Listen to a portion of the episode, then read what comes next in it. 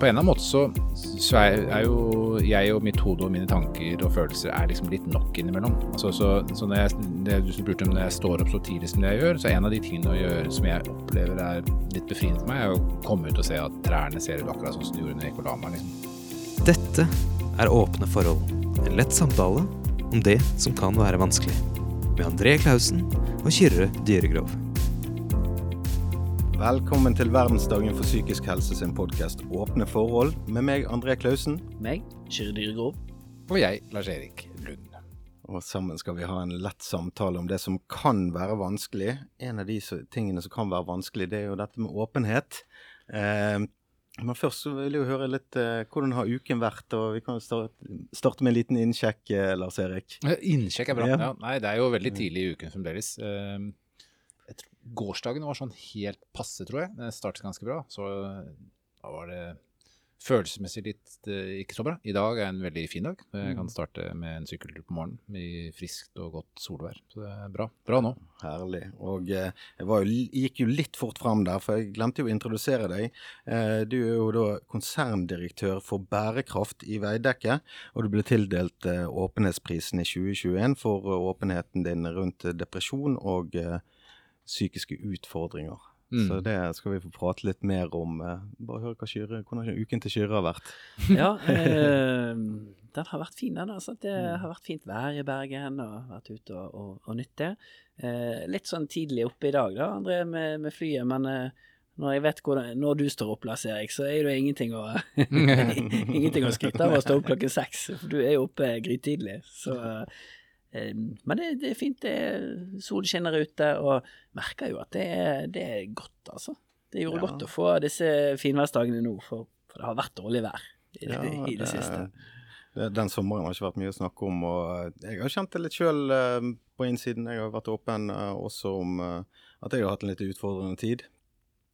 så dette er litt det der å gå og nyte solskinnet og grilling, mm. og samtidig gå på med denne ja, klumpen i brystet, eller mm. hva men uh, det er jo noe med å, å, la tiden være en venn også, tenker jeg. sant? Uh, og dette med åpenhet, uh, Lars Erik. nå er det ett år siden du mm. fikk den prisen. Hvordan har den vært, den tiden? Har det vært en sånn berg-og-dal-bane, eller har det bare Har det bare vært opptur? Ja. Nja, nei, det Altså, for det første så tror jeg det har vært et sånt ordentlig vannskille mellom tiden før og tiden etter. Um, som jeg ikke egentlig så for meg. Så det er jo sånn I ettertid så sitter man og tenker at hva har jeg lært det siste året? Jeg, jeg, jeg pleier å referere til en, en, veldig kjent leder i USA som heter Ray Dalio, som leder et stort uh, investeringsfond som heter Bridgewater. og Han sier at hvis du ser tilbake et år tilbake og ikke tenker at wow, så utrolig dum jeg var for et år siden, så har du jaggu ikke lært så veldig mye. Og det, og det var jeg nok for et år siden. Mm.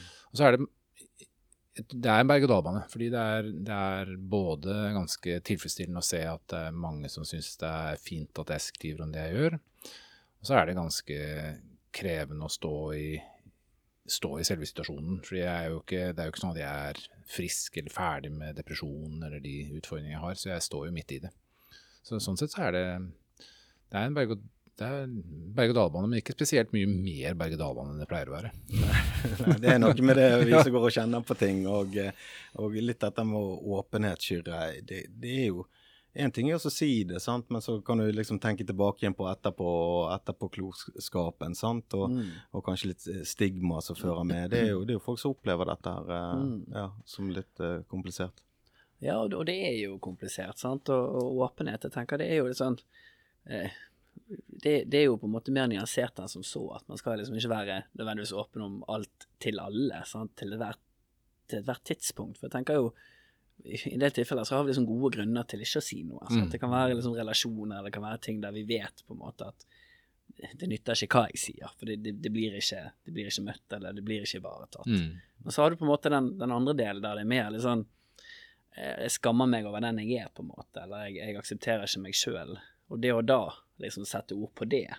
Tørre å liksom tre litt fram. Ofte der kan det jo komme noen veldig sånn positive, fine erfaringer på at ok, men kanskje, kanskje var det ikke Silje som jeg så mm. for meg. Kanskje mm. ble jeg ikke sånn latterliggjort eller mm. kritisert eller avvist som jeg hadde sett for meg. Så, så jeg tenker jo liksom du, du sa noe om det, Lars Erik, i forhold til liksom, hva, hva, hva tanker du hadde inn liksom, i det du liksom, Mm. la ut. Det var Mm. vel kanskje på LinkedIn eller på Facebook, det innlegget, sant, og, og, om hvordan tingenes tilstand var. Eh, hva så du for deg liksom, i det du gjorde det? Liksom, hvordan, hvordan ville respons bli inni, inni hodet ditt? Vi kan jo ta, altså Hvis vi tar to år tilbake, da, så kan man tenke hvor utrolig dum jeg var da. Men altså det, det var jo da hele denne historien startet, egentlig. Fordi, eller det var ikke da historien startet, men da jeg liksom skjønte at kanskje kunne det være en idé å begynne å prøve å beskrive de symptomene og den, opp, den følelsen jeg hadde Mm. ved å gå på jobb. Um, og det, det tror jeg er det punktet når du begynner å skrive ned, at du begynner å se at, og, og akseptere deg selv. Og se at dette her er noe som du har, fordi du liksom har det svart på hvitt. Så du begynner liksom altså, på en eller annen måte tilgi deg selv for at du har det sånn. Mm. Um, og så tror jeg det du Så det var lettere for meg når jeg liksom skulle gå ut med det, at jeg aksepterte meg, at jeg hadde det sånn som jeg hadde det. Um, når jeg gikk ut, så var jeg redd for at det skulle være et skuldertrekk, at folk egentlig ikke skulle bry seg så veldig mye om det. At de tenkte at ja, ja, ok, greit, done with that, liksom, det er ikke så farlig. Ja. Så jeg publiserte jo dette på alle mulige plattformer, altså internt, eksternt, everywhere. Liksom sendte det ut, ba folk dele, eh, for jeg var egentlig bare redd for at ingen skulle gidde å lese det. Mm. Og så er det en annen Det ble det jo en annen historie, da. Mm. Eh, på godt og vondt, holdt jeg vil si, fordi det er jo det gode med det er at følelsen av at du er til hjelp for andre, er veldig god. Det, altså det å vende blikket litt utover fra, fra de egne problemer. Eh, så på vondt i form av at liksom det er, du, er ikke, du er egentlig tatt av det du egentlig var. Da. Du hadde en maske på fra før som du har tatt av og liksom sagt at den, den kan jeg ikke jeg kan ikke, jeg kan ikke liksom, Du kan ikke godt putte tannpastaen inn i tuben igjen på en eller annen måte. Nei. Så det er liksom gjort er gjort. Eh, og innimellom så skulle man ønske at man ikke, sagt for moro skyld, var ansiktet på depresjonen. Liksom. Ja, Ja, jeg ser den. Og det er jo noe med det. Det er jo viktig at vi har rollemodeller som står frem, og eh, det er jo kanskje blitt en sånn eh, greie der at man er modig når man står frem og Mm. vil, vil si noe. Men det er jo noe med at du, du har jo kanskje tenkt gjennom dette. sant? Du sier at det begynte en prosess for Mm. to år siden Mm. og sånt. Og det, det er jo den åpenhetsprisen. sant? Hvordan har det vært når det kanskje har blitt for mye? For du har jo vært i mange forum nå, og du har jo vært i mange Mm. Altså, ja, eksponert deg sjøl, da. Og det der med også jeg vil jo gjerne, Når jeg har det vondt, så vil jeg jo gjerne ikke at folk skal se meg. Mm. Men for min del, så med å snakke om det, så føler jeg at jeg tar litt eierskap i det som Mm. er vanskelig, og det gjør godt, på en måte. sant? Men, men hva har vært åpenhetens pris, på en måte, for, for deg? Jeg, altså bare for å ta det ene, altså, med, dette har jeg ikke tenkt så veldig mye Akkurat det jeg sier nå, har jeg ikke tenkt så veldig mye på, men, men, men på en eller annen måte så, så, så er, er jo jeg og mitt hode og mine tanker og følelser er liksom litt nok innimellom. Altså, så, så når jeg, det du som spurte om når jeg står opp så tidlig som det jeg gjør, så en av de tingene å gjøre som jeg opplever er litt befriende for meg, er å komme ut og se at trærne ser ut akkurat sånn som de gjorde når jeg gikk og la meg. liksom. Mm. Altså, verden moves on. Jeg er ikke center of the universe. Fordi i depresjon så blir jeg veldig selvsentrert og veldig opptatt av hva er det som jeg skal gjøre annerledes. Det jeg opplever med teksten og det å skrive selv nå, eh, enten det er å skrive for meg selv eller om det er jeg faktisk publiserer det, det er at jeg opplever at det er til hjelp for andre. Det er, eh, det er veldig godt, da. Mm.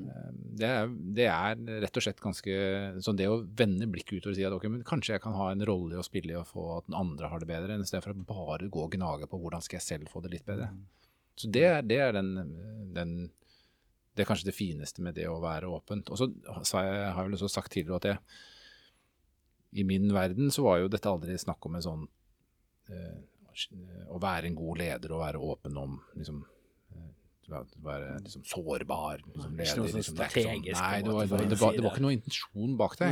Det var, så, så jeg, jeg mistenker at mange liksom tilegner meg den intensjonen. Den hadde jeg ikke. Så, så strategisk var jeg ikke. um, så for meg så har dette egentlig med at jeg opplevde at jeg ikke Jeg trivdes ikke i det skinnet jeg var, altså, og trengte liksom å komme, komme bort fra det. Det er i hvert fall sånn som jeg ser på det etterpå. Så tenker jeg det at jeg, jeg føler meg mer komfortabel og står tryggere i, i den identiteten jeg har i dag, enn den jeg hadde. da. Ja, ja. At du kan, kan være deg sjøl. Ja, rett og slett. Ja. Mm. Mm. Også litt sånn som vi snakket om her, så jeg, jeg syns det var fint når vi var innom, da.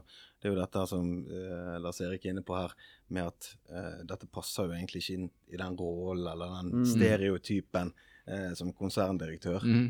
Eh, og jeg, ser jo den, det var kanskje ikke så mye vinning på det. Det ble jo en veldig fin eh, greie, da. Mm. Eh, men, men ikke det er mange som, som kanskje kan kjenne på den at det, hvis jeg sier noe, så passer jeg ikke inn i denne Mm. fasaden som jobben min, eller eh, hvordan jeg vil være. Mm. Ja, sant. Og, og jeg tenker jo vi alle sammen liksom kjenner på det til dels at vi har liksom forskjellige roller etter om vi er på jobb, eller om vi er hjemme, eller om vi er med den venninnen eller den vennen eller den kollegaen eller den. At, at vi er ikke på en måte helt like på tvers av situasjoner. Sant? Men den der opplevelsen av å liksom aldri kunne være seg sjøl, Mm. eh, den er jo ordentlig vond. Og, Mm. og liksom da blir det jo også fort til at den jeg er, liksom, den, den, altså, den skal ikke jeg være, eller den er ikke god nok, den er ikke akseptert. Sånn. Så jeg tror det er enormt viktig det, det du har gjort, Lars Erik, også for, for mange andre. Det å liksom kunne, ja, kunne liksom ta det skrittet, da, og kunne liksom ja, gi andre vann på møll også, i forhold Mm. til at ok, kanskje går det an å tørre å slippe det til, eh, og se hva som skjer. For, for jeg, jeg snakker med veldig mange som som kjenner på akkurat de tingene. Sant? At jeg, ja, jeg, jeg, kan, jeg kan ikke vise den jeg egentlig er.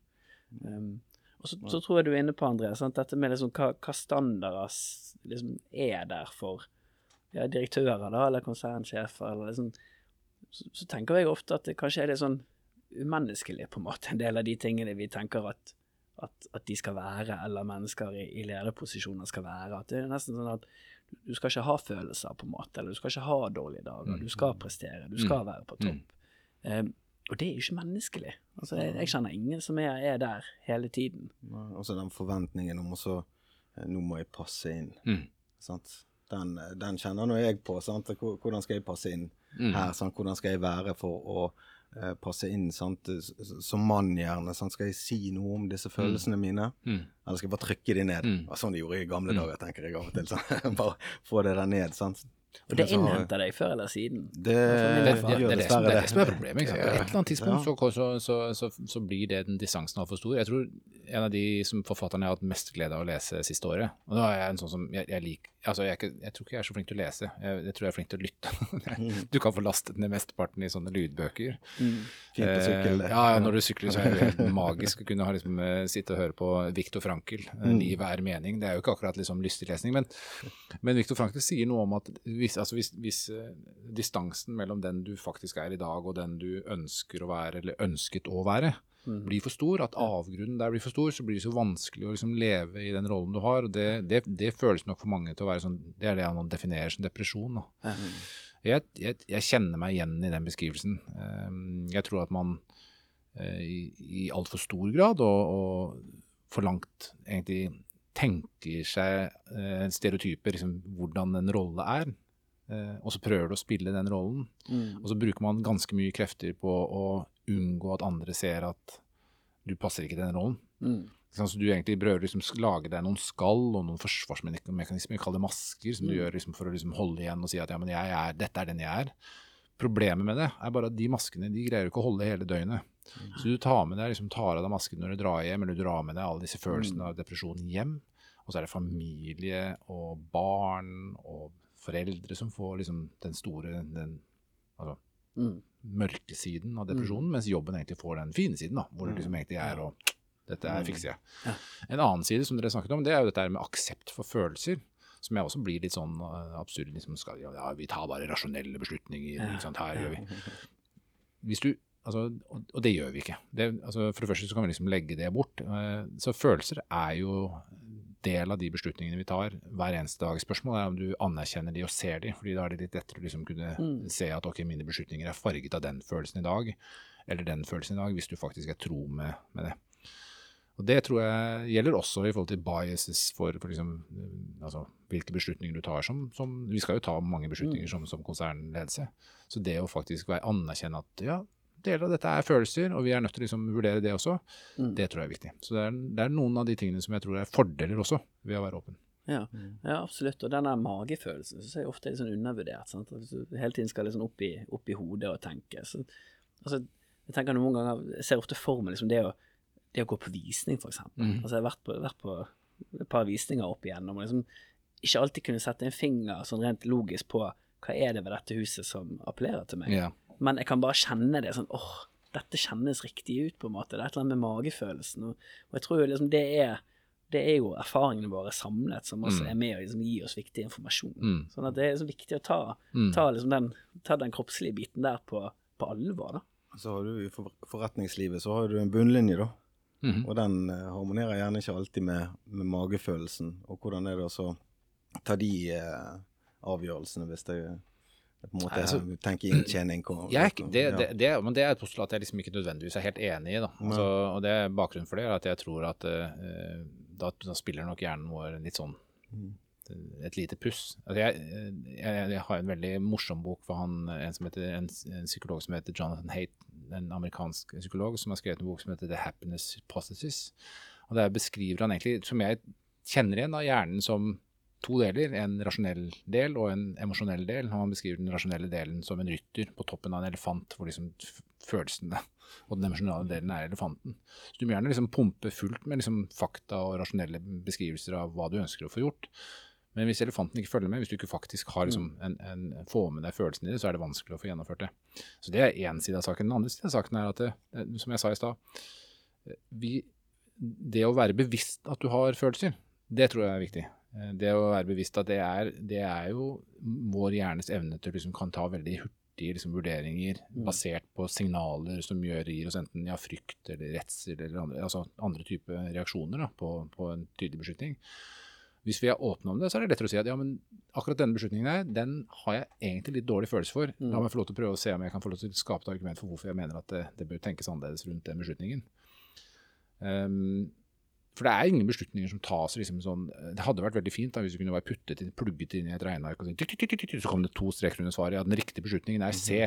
Men sånn er det jo ikke. Alle disse beslutningene er vurderinger av flere ulike elementer, og noen av de faktisk er emosjonelt, noen av de er, er rasjonelle. Så det å faktisk forstå at man har følelser, se at de er der, anerkjenne dem når det kommer og liksom akseptere de, det tror jeg er en fornuftig for enhver konsernledelse. Mm. Og, og viktig perspektiv, tenker jeg. Så Jeg møter jo mange som, som kritiserer seg sjøl liksom, fordi ah, jeg er så følsom, på en måte. Og jeg tenker, åh, Ofte kan jeg tenke å, jeg skulle ønske jeg var mer følsom. sant? Fordi det er, jo, det er jo masse informasjon i de følelsene. Sant? Så du sier liksom, det hjelper, det hjelper egentlig på å treffe gode beslutninger og på å vite hva er, hva er viktig for meg. Mm. Ja. Så hente inn det der og så leve i, i tråd med seg, seg sjøl, da. Eh, Det genuine gjerne. sant? Altså, Men litt sånn som jeg har kjent på det, var jo det at eh, som nå jeg snakket med Kyrre og jobber jo litt i, i psykisk helse sjøl.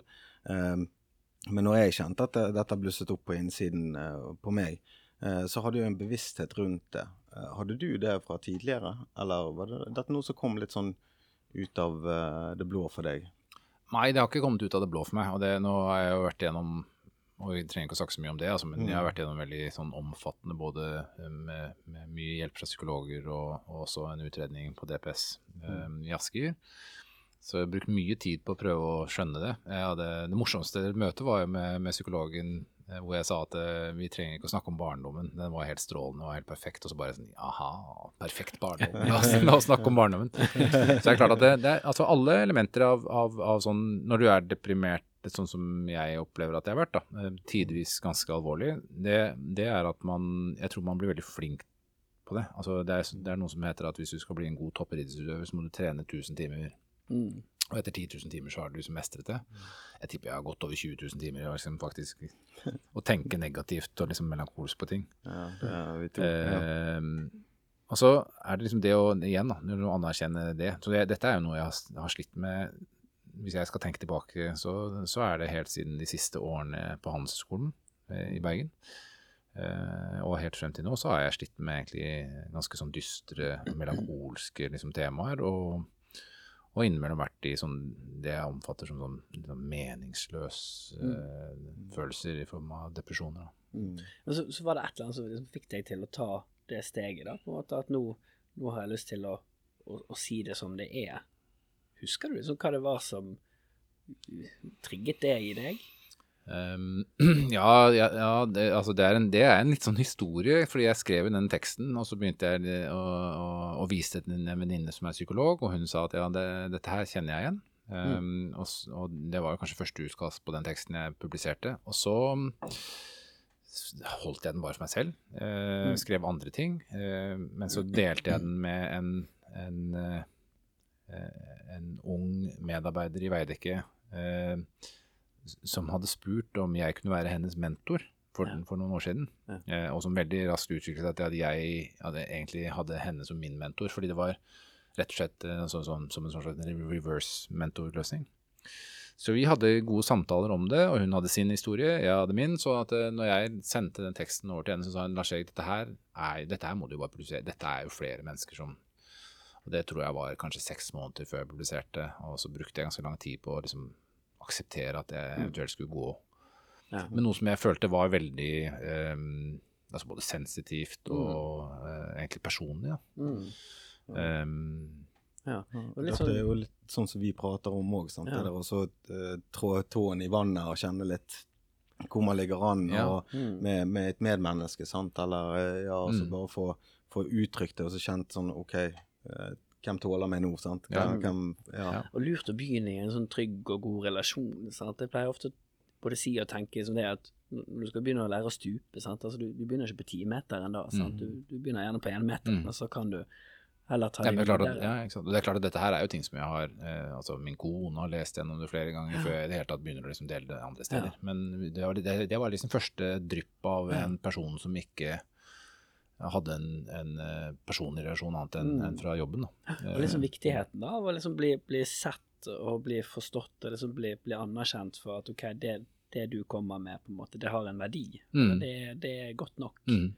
Ja.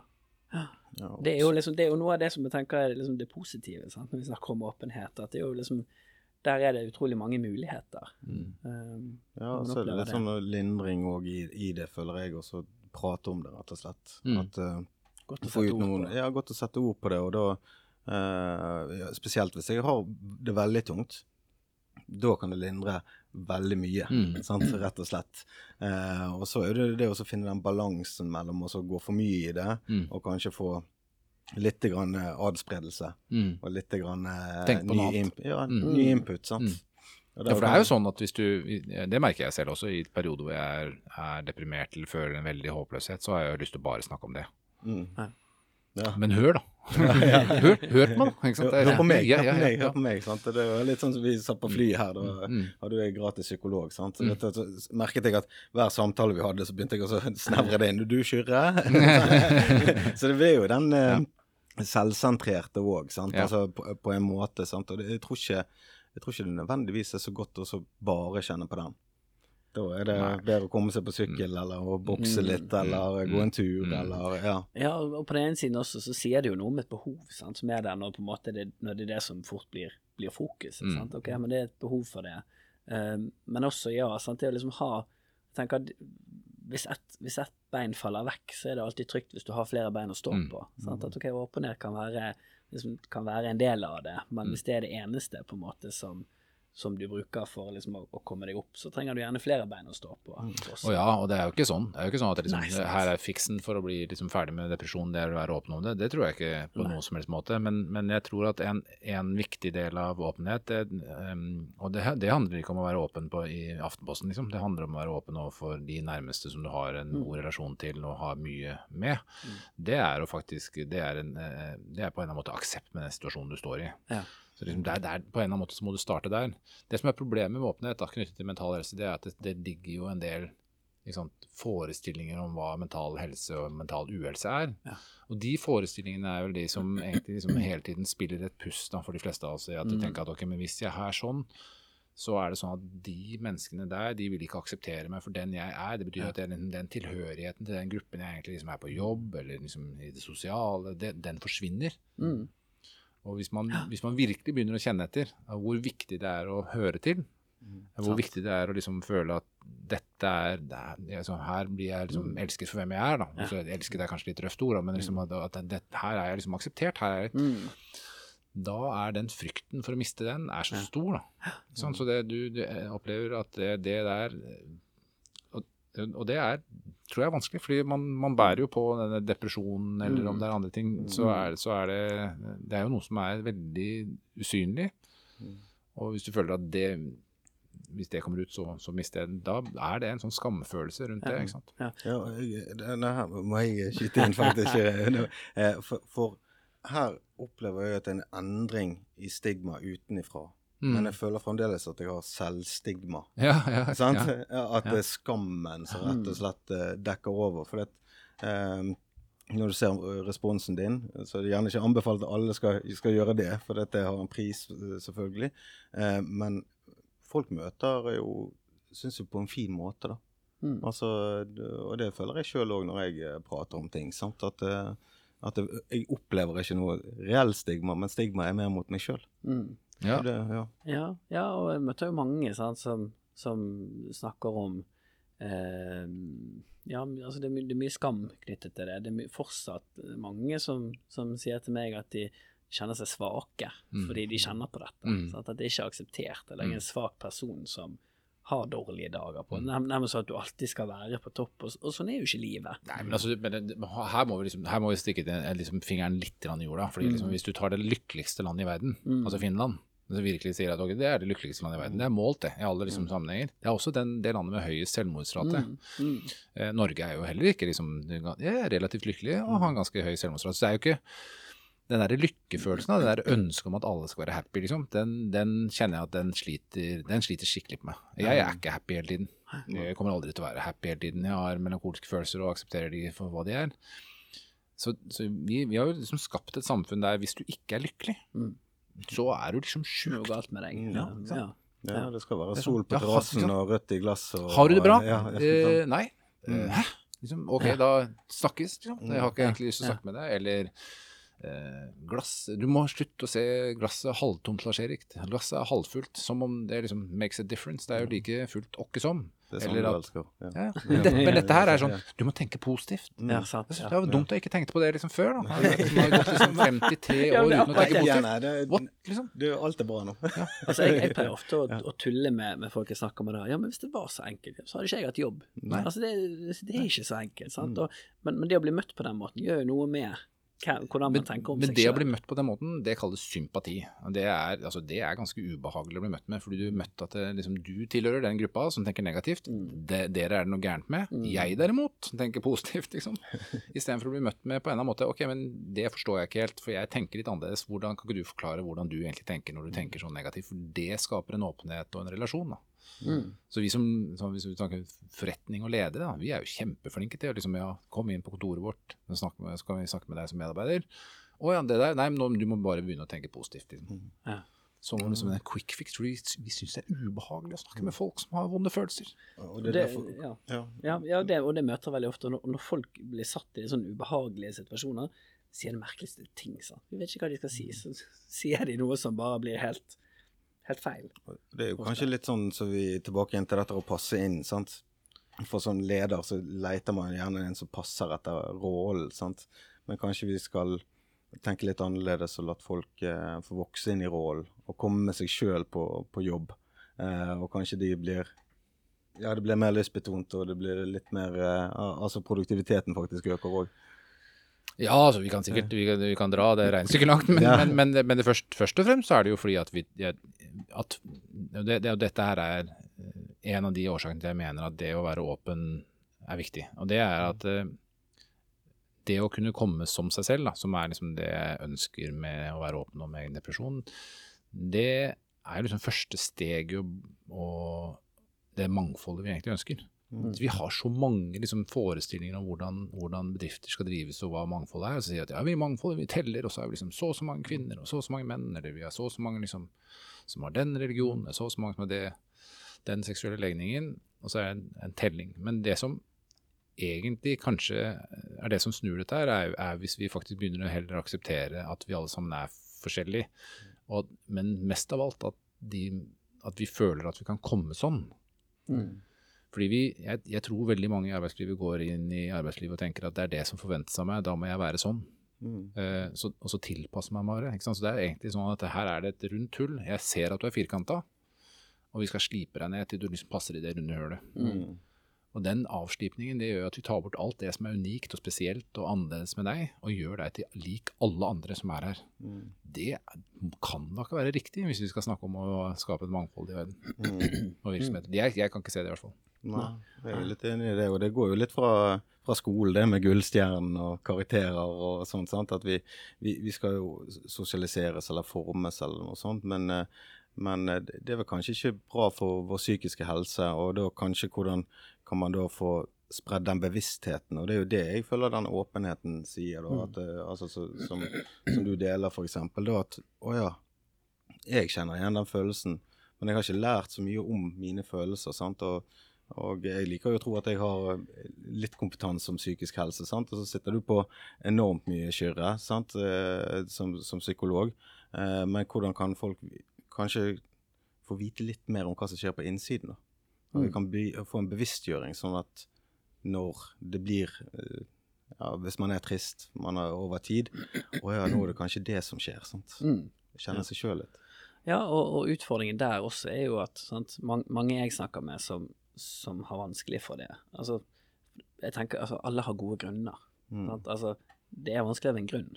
Altså, Mm. det har, det har eh, altså det har vært en måte, en måte å tilpasse seg på. Sant? En måte å overleve på, Mm. type gjennom barndom eller gjennom oppvekst. At, eh, sant? Jeg, må, jeg må bare skyve følelsene vekk, fordi de som skulle hjelpe meg å ha håndtert de, de, de var ikke der. De hjalp meg ikke. De, de så meg ikke. De gjorde ikke det de skulle. Og, og da er det veldig sånn logisk eh, å, og å skyve det vekk. Sant? Fordi, og særlig som barn, du, du kan ikke stå i alt det der på egen hånd. Du kan ikke håndtere det. Altså, du, det er helt umulig, det. Det er vanskelig for oss voksne.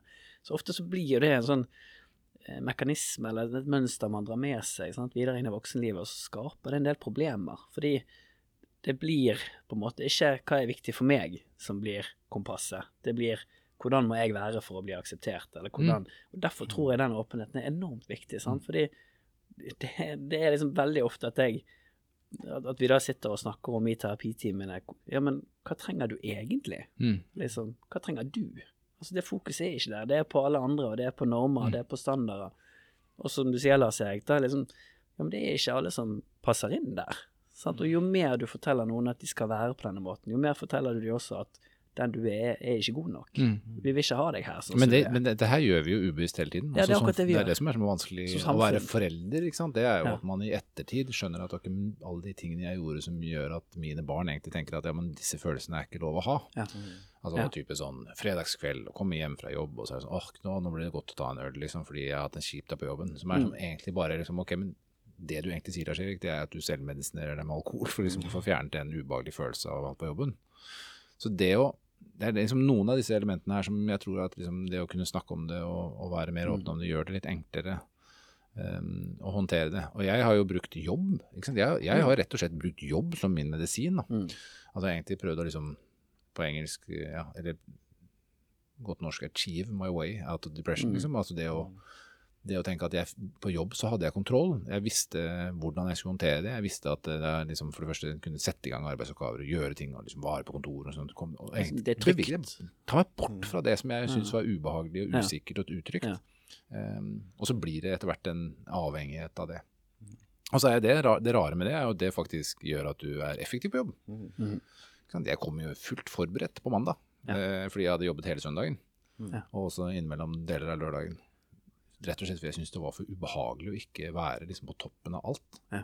det er jo litt der å gå og gjemme seg sant, på Ja. der. Og det er jo forskjellige avhengigheter, men jobb er jo en av de òg, så kanskje Men der får du anerkjennelse, som du sier. Ja, ja, så der får du liksom klapp på skulderen. Så flink du er, du har fakturert så og så mange timer. Mm. Eller ja, så flink du er, du var på kontoret og hadde klart alt til mandagsmøtet, liksom. Det er akkurat det, sant? Disse strategiene gir jo mening, på en måte. Jeg har aldri møtt noen der jeg tenker at hvorfor i all verden gjør du dette? Altså, det henger, det, henger sammen. Mm. Det, liksom, det, det er meningsfulle strategier ut ifra eh, det man sjøl sitter og, og, og kjenner på på innsiden. Men så kan det bli for mye av det gode, sant? Og, det, og det igjen kan skape problemer. Sant? Og man liksom, det er grenser for hvor mye man kan jobbe, og hvor hardt man Mm. kan stå på før tanken er tom. Ja, så tror jeg ikke det nødvendigvis er veldig sunt liksom, intensjon eller drivkraft å jobbe, at du ønsker å fjerne ubehagelige følelser. Så det er, liksom, det er derfor jeg mener Ja. at det kanskje kan være greit innimellom liksom, tenke at disse følelsene er der, så bare akseptere de, at jeg har, jeg har den uroen. Ja, ja. Eh, Det finnes andre bedre måter å få utløp for den uroen enn å faktisk gå på jobben og prøve å kontrollere det. Ja. Og så Mm. går det på en måte aldri over. sant? Og nå fikk jeg til dette, men nå må jeg bare neste. Ja, ja. Nå må jeg bare neste, Mm. nå må jeg bare neste. Mm. sant? Så det, det blir jo aldri godt nok For det er jo noe som er med på lasset der. Nei, du, du får ikke tatt tak i selve uroen. Sant? Du får på en måte bare plastret det, og så videre, og så er det der.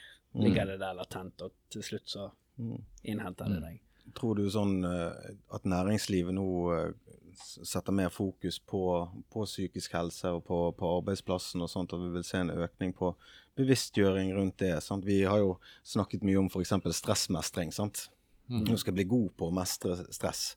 Eh, det er jo kanskje ikke det beste kurset, da, for å si det sånn. Eh, men, Kanskje du heller skal se på problemet. Ja, sant. Hva, hva er utfordringen? Hvorfor er det stresset der, eller ja. Kanskje at det blir en mer åpenhetskultur på arbeidsplasser rundt om? Jeg, altså det, Ut fra den interessen som er liksom at jeg holder et foredrag om disse tingene, eller snakker om disse tingene, så er det jo definitivt et, liksom et økende liksom, interesse for det. Eh, Mm. At, at jeg på en eller annen måte skulle liksom ha veltet helt over at alle skulle liksom se Det tror jeg ikke. Jeg, I Veidekke så jobber vi med det hele tiden, og vi er veldig opptatt av det, og opptatt av det på HMS-uken i fjor, om psykisk helse på arbeidsplassen. Vi, vi er liksom nå har vi gjort unna liksom hjelm og hansker og briller. Eh, så nå er det i større grad å se på liksom den, den mentale helsen til folk, og i år se på, på muligheten og arbeidsmiljø. Komme, liksom, komme, mer, komme som seg selv da, og, og oppleve hvordan det er. Så det er, eh, jeg, jeg tror at det er flere og flere som, som ser på det, men det er nok en lang vei før vi er liksom kommet til en situasjon der arbeidsplassen i større grad blir en arena for å skape god mental helse. Ikke sånn som det er nå, hvor liksom vi ser at det er, et, det er en viss sånn negativ eh, utfall av arbeidslivet i dag. Ikke sant? Det, er, det er utbrenthet, det er liksom følelse av perfeksjonisme. Det er, vi ser liksom barn som eh, med spiseforstyrrelser ned i tolvårsalderen. Liksom, altså, masse ting som går på dette med perfeksjon og hvilke forventninger som egentlig forventes av meg i den verden som er. Den har vi igjen i arbeidslivet òg. Så det må vi jo prøve å komme til bunns i. Ja, og så er det noe med det der at det er godt å stå som den man er. Ja, ja. Selv om det er et eh, ubehag der. Eh, og det er vel en følelse mange leter etter. Uh, den er også OK, dette er meg. Ja, og, og, og du, hvis du da på en måte hele tiden er orientert mot andre og mot omgivelsene, så er det i hvert fall veldig mange jeg snakker med som Altså, de vet ikke hvem de er. Mm. De er ikke vant til å kikke innover eller liksom spørre det spørsmålet. Hva trenger jeg, eller hvem er jeg egentlig? Så de blir helt i villrede. Mm. Ja, men hva, hva, hva skal jeg gjøre nå, på en måte? Jeg, altså Bare den tanken å tenke at jeg kan faktisk gjøre noe godt for meg, eh, er, veldig uvant. At det fort blir til at det er egoistisk, eller da er jeg selvsentrert. på en. Det, det har ikke jeg lov til. Og det er jo kanskje da, for å si det sånn, når teambuilding-tankegangen kommer inn, da, sant, så skal vi ha lønningspils. Eh, der, og da kanskje på slutten av kvelden så begynner man å fortelle om hva, eh, frustrasjoner eller sånn. Men kanskje det kunne vært eh, ja, altså, eh, noen rom som kunne vært skapt på, på dagtid. En type refleksjonsrunde, eller eh, det Ja, vært, sånn som eh, dere gjør nå i begynnelsen av, Mm. begynnelsen av podkasten, er jo veldig fint. altså Gjøre en check-in. Hvordan har du hatt det Mm. liksom, når du kommer inn? Og gjøre en exit. Hva har du liksom lært av denne situasjonen og det møtet her? Jeg, jeg setter jo pris på det. Jeg Liksom, I større grad bringe inn og, sant, det, Vi kan være hypereffektive og si at her er agendaen. La oss gå gjennom agendaen. Eller vi kan faktisk gjøre sånn som dere gjorde og si at ok, bring deg selv inn her. Eh, og så finnes det jo masse elementer og måter vi kan håndtere eh, type møter for å sikre at vi får, får det. Men også å sette av liksom, tid og arenaer for å kunne snakke om, om dette. Og være en, hvis du er leder da, i en bedrift så, uh, på ulike nivåer og har mennesker som rapporterer til deg, så tenker jeg det må være veldig viktig at du sørger for at de faktisk har mulighet for å komme til deg og snakke om det. Mm. Ja, det er noe med det altså, å være en trygg, eh, trygg person i lederrolle. Da er det hvem ivaretar lederen? Ja. Eh, Ja, nei, det er eh, det er Psykisk helsevesen, nei. Det, det, altså det, nei hvem ivaretar det? Vi er jo, de, altså det, min opplevelse er at når jeg var åpen om det, så er den en av de største støttegruppene og, og, og heiagjengene er jo de medarbeiderne som rapporterer til meg. Mm. Og det, og det har jo sine naturlige årsaker at de, de opplevde en ganske krevende leder når jeg ikke var åpen om det. Og det er kanskje lettere for de å, å se at eh, når jeg er åpen om det, så er det egentlig liksom, å, ha, å ha en ordentlig dialog med meg som et menneske, og ikke som bare en leder. Ja. ja, for dette, da viser vi hvem vi er. Mm. Og da er det noe sånn som du ofte sier, sant? da er det naturlig. Å ja, nå forstår jeg. Ok, Ja, nå deler vi, og når vi deler en følelse, så vi har delt mange følelser i dag, føler jeg. Og eh, da blir vi, da får vi et lite bånd der. Da er det jo åpent, da. Da er det greit å snakke om det. sant? Mm. Ja.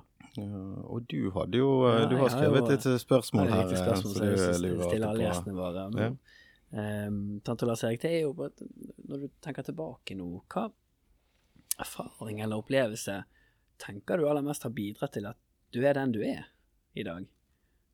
Et stort Altså, spørsmål. det tenker du liksom livs, hele livet Ja, ja. tilbake? Til at jeg er den jeg er?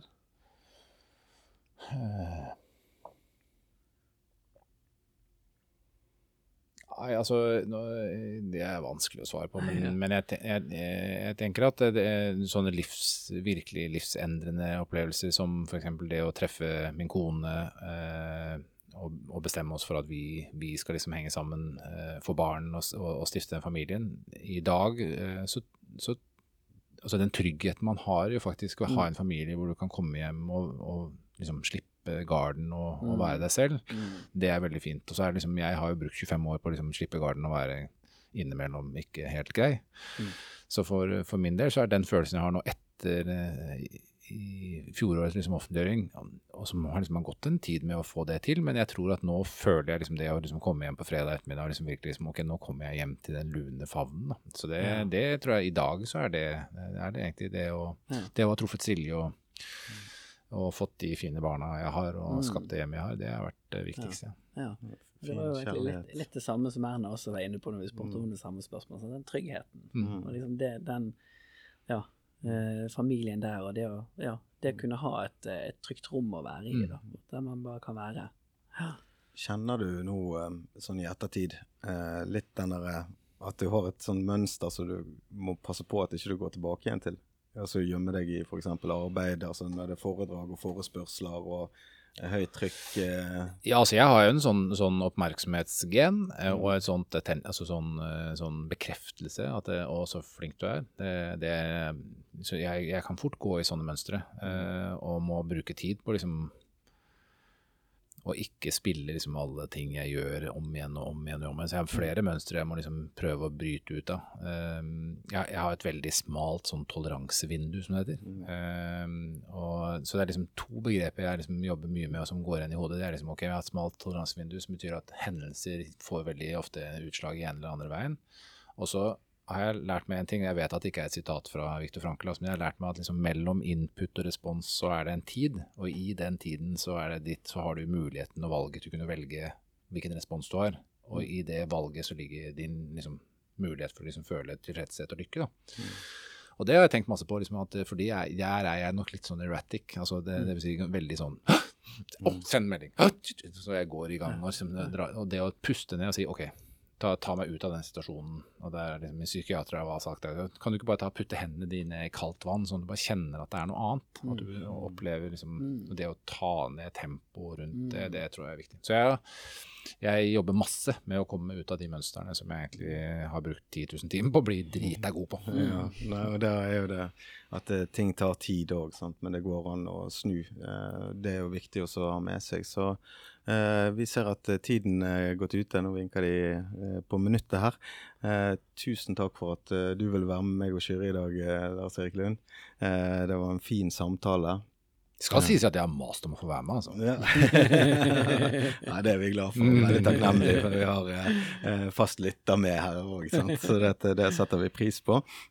Og eh, husk også tema for verdensdagen i år. Det er 'Vi trenger hverandre'. Løft blikket. Eh, følg gjerne verdensdagen på Facebook og eh, Instagram.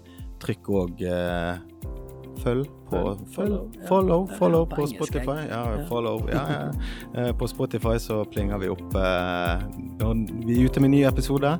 Eh, tusen takk for at du lytter, og tusen takk for praten, gutta boys. Tusen takk for at du kom. komme.